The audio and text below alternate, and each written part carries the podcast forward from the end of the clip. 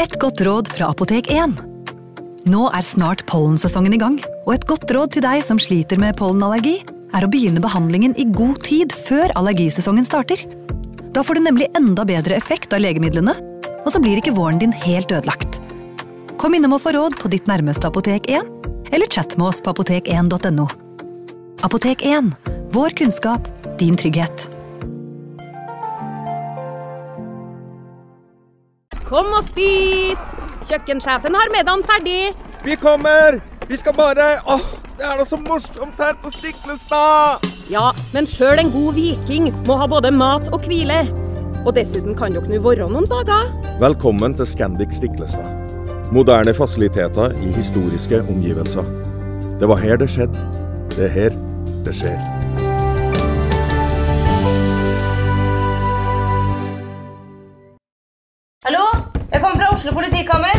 Ine Jansen er purk. Er du purk? The motherfucking bitch. Alt jeg vil, er å finne ut hva som skjedde med mannen min. Jon Carew. Er jeg sikta for noe? Iben Akeli. Det er du.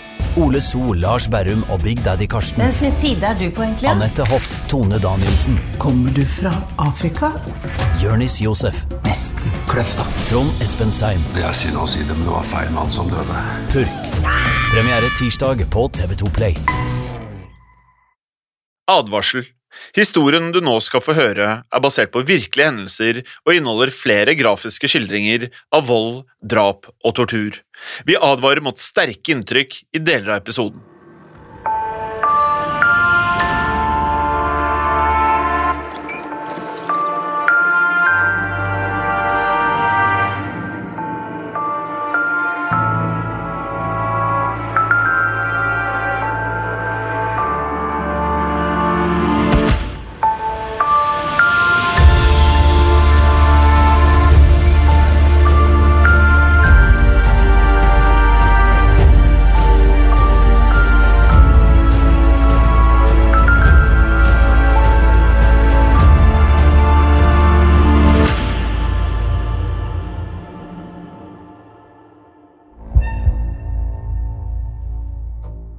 Kate Lawler ble født i den lille landsbyen Killan i Irland en gang i 1849. Familien var fattig, og Kate lærte tidlig at hun var nødt til å gjøre hva som helst for å overleve. Dette ledet til at Kate ble kjent som en løgner og en tyv i hjembyen. Kate ble flere ganger tatt i å stjele, men hun ga seg ikke og fortsatte i samme spor da hun ble tenåring. Hun hadde for lengst fått nok av Killan, og Kate ville bare skaffe seg nok penger så hun kunne komme seg til Liverpool. Drømmen om et nytt og bedre liv skulle likevel bli kortvarig. Da Kate ankom Liverpool, måtte hun fremdeles stjele for å overleve. Det skulle riktignok ikke ta lang tid før hun ble tatt på fersken. Da Kate var 18 år gammel, ble hun arrestert og dømt til å sone fire år i fengsel. Det finnes mange historier om Kate og hennes liv. Hun hevdet selv at hun giftet seg med en kaptein som het Webster, og fortalte at de fikk fire barn sammen. Kate fortalte videre at både ektemannen og barna døde i løpet av kort tid. De fleste antok likevel at dette var noe Kate hadde diktet opp. Etter å ha sonet ferdig fengselsstraffen reiste Kate til London. Her slo hun seg etter hvert ned i Hammersmith, hvor hun ble kjent med Anne og Henry Porter. Kate prøvde først å tjene til livets opphold på ærlig vis. Hun vasket hus og jobbet som tjenestepike, men det tok ikke lang tid før hun begynte å stjele med seg verdisaker og trekke på gaten. Snart innså Kate at hun var gravid, og ni måneder senere fødte hun en sønn. Hun hevdet senere at det var minst tre ulike menn som kunne være faren til barnet. En av dem, en mann kjent som Strong, var angivelig også hennes kriminelle kompanjong. Kate skulle senere hevde at Strong hadde forlatt henne med barnet, som tvang henne til å stjele for å forsørge seg selv og sønnen. Det er uvisst om dette var sant, men Kate fortsatte i hvert fall å stjele og gjøre innbrudd, og i løpet av de neste årene ble hun arrestert flere ganger. Hun flyttet stadig til nye deler av London, hvor hun oppga ulike etternavn. Kate var blant annet kjent som Kate Lawler, Webb, Gibbs, Gibbons og Webster. Det gikk sjelden mer enn noen måneder mellom hver gang hun ble arrestert. Mens Kate sonet fengselsstraffene, ble sønnen passet hos en venninne som het Sarah Crease. Kate hadde et godt forhold til Sarah, som hadde en trygg jobb som vaskekone. Da Sarah plutselig ble syk, fikk Kate muligheten til å overta jobben hennes midlertidig. Det var nå januar 1870, og Kate var på jakt etter en mer stabil tilværelse som kunne holde henne ute av fengsel. Sarah ble snart frisk igjen, men Kate hadde gjort en god nok jobb til at hun ble anbefalt til en ny stilling. Julia Thomas var nemlig ute etter en tjenestepike, og Kate ble nevnt som en mulig kandidat.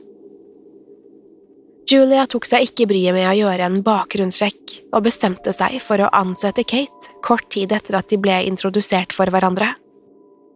Det skulle ikke ta lang tid før Julia begynte å angre på denne avgjørelsen.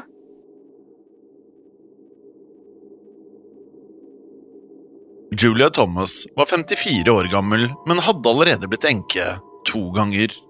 Hun bodde nå alene i en stor tomannsbolig i Richmond. Julia ble ofte beskrevet som en liten og litt eksentrisk kvinne. Hun var impulsiv og kunne ofte reise vekk i flere uker av gangen. Flere av naboene mente også at Julia hadde et voldsomt temperament. Selv om Julia bodde i et flott hus, så var hun ikke spesielt rik. Hun prøvde likevel å fremstå som mer velstående enn hva hun egentlig var, og kledde seg derfor i dyre klær og smykker. Trolig så hun også på det å ha en tjenestepike som en slags statussymbol. Å jobbe for Julia var på ingen måte en enkel oppgave. Hun var både streng og bestemt, og hennes tidligere ansatte hadde aldri holdt ut i mer enn et par måneder. Til å begynne med kom Julia og Kate svært godt overens. Men det skulle ikke ta lang tid før Kate begynte å bli lei av alt maset. Julia ble nemlig aldri fornøyd og fulgte etter Kate mens hun jobbet. Kate på sin side mente at hun gjorde en god jobb, men Julia syntes ikke huset ble rent nok. Julia likte heller ikke at Kate stadig snek seg rundt for å besøke den lokale puben. Kate hadde kun jobbet for Julia i en drøy måned da hun endelig ble bedt om å flytte ut av huset. Dette skulle snart få svært store konsekvenser for Julia. I utgangspunktet skulle Kate jobbe ut februar måned, men da hun ikke fant en ny jobb eller et nytt sted å bo, så tryglet hun om å få bo der litt lenger. Selv om Julia ikke likte å ha Kate i huset, så fikk hun bli til over helgen. Kate skulle i denne perioden fortsette å jobbe som tjenestepike. Lørdag 1. mars hadde Kate fri første halvdel av dagen. Julia regnet med at Kate skulle komme tilbake i løpet av formiddagen, men Kate dro i stedet innom puben. Julia skulle i gudstjeneste, og hun ønsket nå at Kate skulle hjelpe henne med å gjøre seg klar. Julia ble dermed forsinket ettersom Kate kom hjem senere enn de hadde avtalt. Julia var rasende da hun til slutt kom til kirken. Hun ga uttrykk for at det var Kate sin skyld at hun hadde kommet så sent. Julia var også bekymret for at Kate kanskje hadde tenkt til å rane henne før hun hadde flyttet ut. Julia var fremdeles sint da hun kom hjem igjen. Derfor så konfronterte hun Kate før hun stormet opp trappene. Men Kate fulgte etter henne, og krangelen fortsatte i andre etasje. Til slutt så fikk Julia nok og gikk til soverommet for å legge seg. Hun tok av seg hatten og begynte å kle av seg da døren plutselig ble sparket opp. Og i døråpningen sto nå Kate med en øks i hendene hun hadde et manisk blikk idet hun stormet mot Julia. Livredd prøvde Julia å forsvare seg. Hun kjempet desperat imot, og snart befant de seg ute i gangen. Her prøvde Julia å rive øksen ut av Kate sine hender, men Kate var langt sterkere enn henne. Det hele endte med at Julia ble kastet ned trappen, og Kate bare så på mens Julia rullet ned trappen og dunket i gulvet.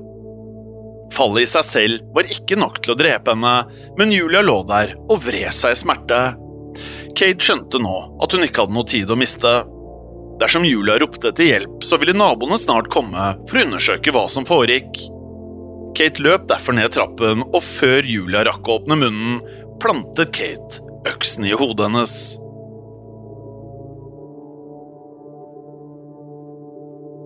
Det finnes flere ulike skildringer av selve drapet. Kate hevdet selv at hun kvalte Julia til døde, mens andre kilder insisterte på at hun angrep Julia med øksen. Kanskje var det en kombinasjon, da mye tydet på at den endelige dødsårsaken var kvelning. Det som er sikkert, er at Kate snart skulle bruke øksen da hun begynte å partere Julias livløse kropp. Etter å ha dratt liket inn på kjøkkenet, gikk Kate løs på Julia med øksen. Hun hakket av lem etter lem og plasserte de ulike kroppsdelene i en stor kobberkjele som hang over peisen.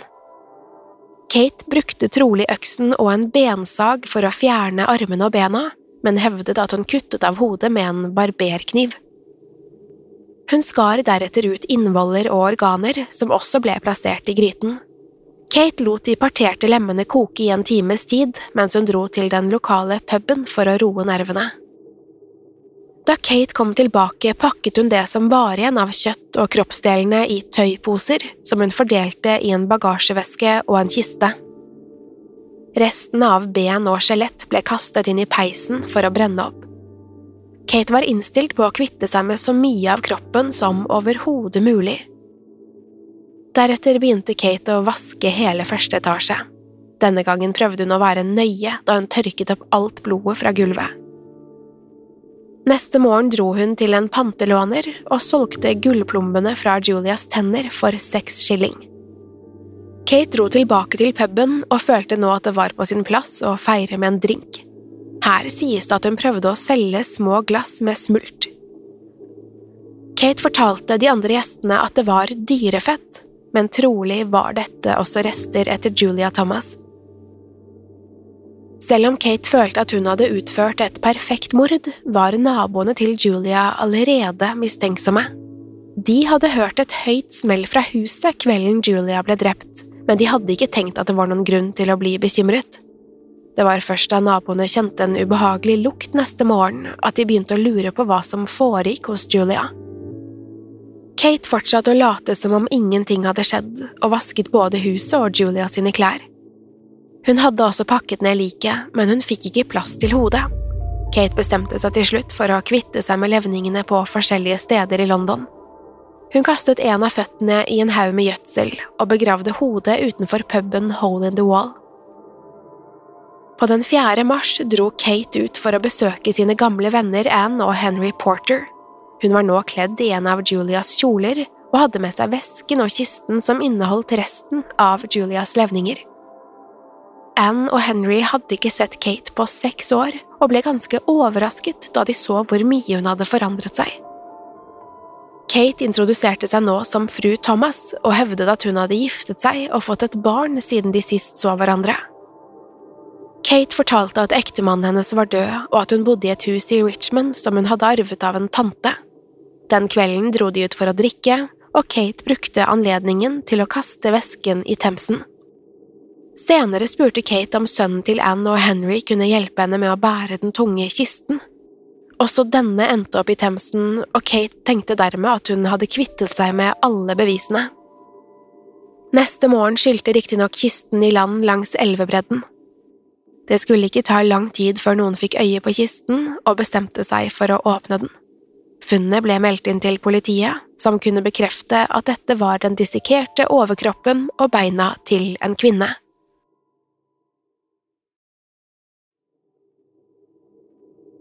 Politiet begynte umiddelbart å etterforske saken. Offeret var en kvinne som åpenbart hadde blitt drept og deretter partert. Dette var et grusomt og bestialsk drap som måtte oppklares så fort som overhodet mulig. Snart fikk politiet beskjed om at noen hadde funnet en fot i en haug med gjødsel. Etterforskerne antok at disse kroppsdelene kom fra samme offer, men det var likevel ikke mulig å identifisere kvinnen. De hadde ikke funnet verken hodet eller hendene, og kroppen var i svært dårlig forfatning. Da liket ble undersøkt, kunne legen slå fast at det trolig hadde vært en ung og mørkhåret kvinne.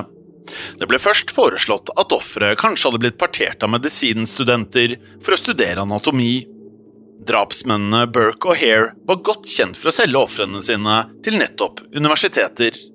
Nå lurte politiet på om det kunne være et lignende motiv bak dette drapet. Politiet visste fremdeles ikke at den avdøde var Julia Thomas, og Kate kunne derfor late som at ingenting hadde skjedd. Kate fortsatte også å bo i Julia sitt hjem og kalte seg nå fru Thomas. Hun kledde seg også i Julia sine klær og så ut til å trives med sin nye identitet. men Kate var fullstendig klar over at hun ikke kunne bli boende i huset for evig og alltid. Men hun ønsket også å sikre seg mest mulig penger før hun dro videre. Hun hadde derfor avtalt å selge alle Julia sine møbler til en lokal pub. Og den 9. mars så møtte Kate pubeieren John Church, og de ble enige om prisen for møblene. Dette ville sikre Kate en pengesum som tilsvarte hele tre årslønner. Noen dager senere så la naboene til Julia merke til at møblene ble båret ut av huset. De hadde nå ikke sett Julia på over to uker og lurte på hva det var som foregikk. En av mennene som bar ut møblene, pekte mot Kate.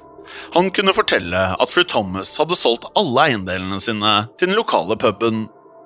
Kate forsto nå at hun var blitt avslørt, og at naboene helt sikkert ville kontakte politiet. Hun bestemte seg derfor for å komme seg vekk fra London og tok det første toget til Liverpool. Derfra så reiste hun hjem til Irland. Snart innså også John Church at også han hadde blitt lurt. Han kontaktet politiet, som nå undersøkte hva som hadde skjedd i Julia sitt hjem. Det viste seg at Kate ikke hadde vært nøye da hun vasket huset. Politiet fant nemlig blod på gulvet og forkullede ben og knokler i peisen. De kunne også finne smeltet menneskefett i den store kobbergryten. Kate hadde heller ikke rukket å pakke med seg alt før hun hadde dratt, og politiet fant annet et brev med adressen til Kate sin familie i Irland. De var nå på jakt etter både Kate og sønnen hennes. Den 29. mars ble Kate funnet og arrestert i Irland. Hun hadde søkt tilflukt på gården til onkelen, men Scotland Yard var nå på sporet av henne.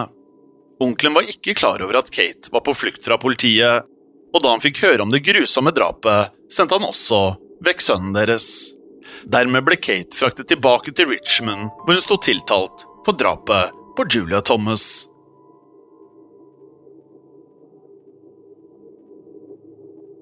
Drapet fikk mye oppmerksomhet i både England og Irland. Mange reiste til Richmond bare for å få et lite glimt av den hensynsløse morderen på vei til og fra rettssalen. De var nysgjerrige på hva slags menneske som var i stand til å utføre et så bestialsk og grusomt drap. Flere av dem ble overrasket da de innså at Kate Webster så ut som en helt vanlig kvinne. Rettssaken begynte den 2. juli 1879 og varte i seks dager. Kate prøvde å anklage både John Church og Henry Porter for å ha tatt del i drapet, men begge hadde sterke alibi. Selv om alle bevisene tydet på at Kate hadde drept Julia alene, erklærte hun seg ikke skyldig. Kate hevdet at hun ikke var i stand til å drepe noen, og la vekt på at hun var en hengiven og dedikert mor. Kate tryglet om å ikke bli dømt til døden, og fortalte dommeren at hun var gravid. Hun ble dermed ført til et lite rom hvor hun ble undersøkt av tolv kvinner og en mannlig lege. De slo fast at Kate neppe var gravid. Dersom hun var det, var hun i alle fall ikke langt på vei. Dermed ble det også bestemt at Kate skulle henrettes for drapet på Julia Thomas. Før hun ble henrettet, skulle Kate tilstå drapet. Hun fortsatte likevel å antyde at hun ikke hadde gjort det alene. Kate hevdet først at det var Strong, mannen som kanskje var far til hennes barn, som hadde hjulpet henne. Hun ga nemlig uttrykk for at det var denne Strong som hadde fått henne til å begynne å stjele i første omgang, men dette ble bare sett på som et desperat forsøk på å fraskrive seg skylden. Kvelden før henrettelsen fortalte Kate en ny versjon av hendelsene. Denne gangen innrømmet Kate at hun ikke hadde noen medhjelpere. Neste morgen ble Kate ført til galgen, hvor hun ble tilbudt en slurk med brandy. Herre, vis meg nåde, var hennes siste ord idet renneløkken ble festet rundt halsen hennes. Da henrettelsen var gjennomført, ble hun begravet i en umerket grav i fengselsgården. Utenfor fengselet hadde det samlet seg en stor gruppe mennesker som ga fra seg et jubelbrøl da de hørte at Kate Webster var død. John Church endte til slutt opp med å sikre seg mange av Julias møbler da hennes eiendeler ble auksjonert bort. Blant gjenstandene han sikret seg, var også en av knivene som Kate hadde brukt til å partere Julias lik. Kobberkjelen hvor Kate hadde kokt Julias lemmer, ble også solgt på auksjonen. Det makabre drapet hadde blitt så beryktet at mange ønsket å sikre seg en liten suvenir fra åstedet. Folk strømmet derfor til huset i Richmond bare for å ta med seg en liten stein eller kvist fra hagen. Drapet på Julia Thomas skulle inspirere flere spøkelses- og vandrehistorier, og huset sto tomt frem til 1897. Fortellingen om Kate Webster gjorde at ingen tjenestepiker turte å jobbe i huset. Det gikk også historier om gjenferdet av en nonne som vandret langs graven til Julia Thomas.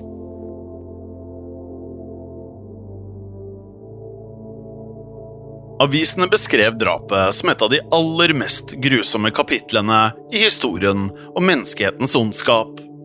Dette gjorde også at det stadig ble trykket nye detaljer om hvordan Julia ble slaktet og partert. Interessen rundt drapet har trolig bidratt til mange av mytene om Kate Webster og livet hennes.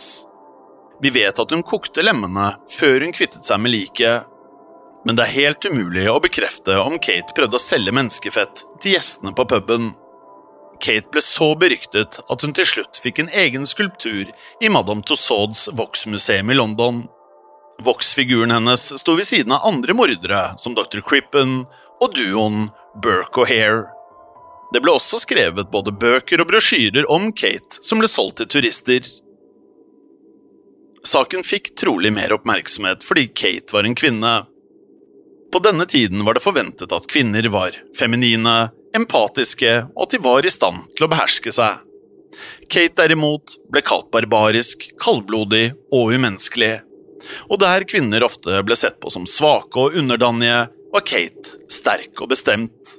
Dette var i stor grad et resultat av mange år med både hardt og fysisk arbeid. Under rettssaken så virket Kate upåvirket av drapet, og den eneste gangen hun gråt, var da advokatene snakket om sønnen hennes.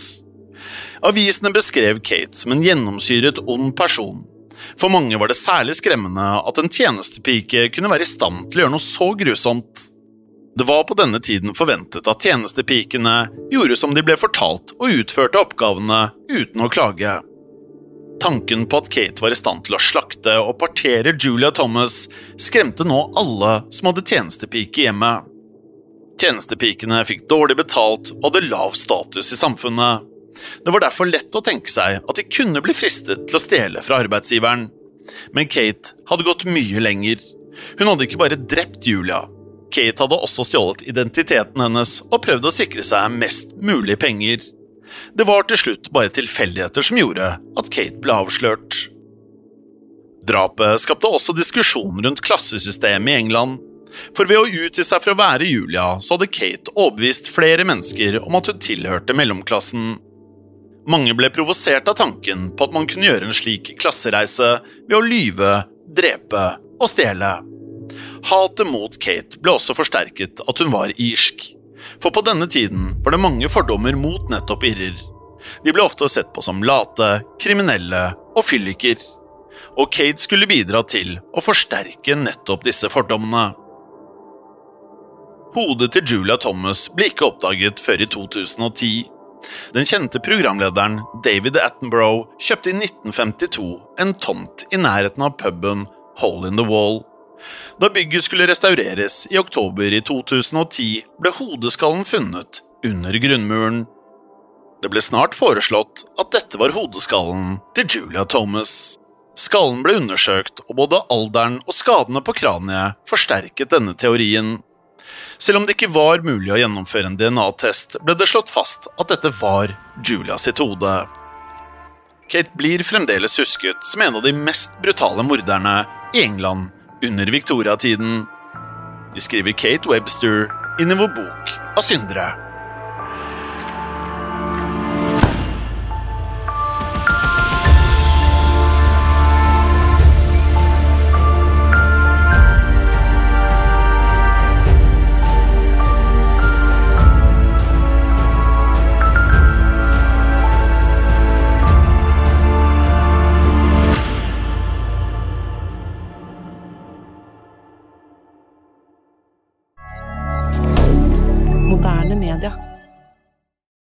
Har du et enkeltpersonforetak eller en liten bedrift? Da er du sikkert lei av å høre meg snakke om hvor enkelt det er med kvitteringer og bilag i fiken, så vi eh, gir oss her, vi. Fordi vi liker enkelt. Fiken superenkelt regnskap. Kiwi er billigst i VGs matbørs og har vært billigst i fire av de fem siste VGs matbørser. Og nå presser vi prisene på frukt og grønnsaker.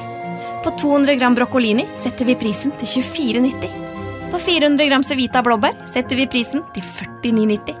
Og husk, alle Kiwi Pluss-kunder får i tillegg 15% trumfbonus på all fersk frukt og grønt. For det er vi som er prispresserne. Og vi i Kiwi gir oss aldri på pris.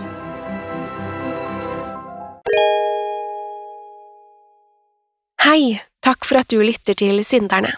Skulle du ønske at du kunne høre en ny episode av denne podkasten hver eneste uke? Vel, da er det bare å laste ned podkastappen Untold med en gang. I tillegg til ukentlige episoder av podkaster som Skrekkpodden, True Crime-podden og Henrettelsespodden får du masse annet reklamefritt og eksklusivt innhold. Last ned Untold i AppStore eller Google Play, og start din 30 dagers prøveperiode i dag.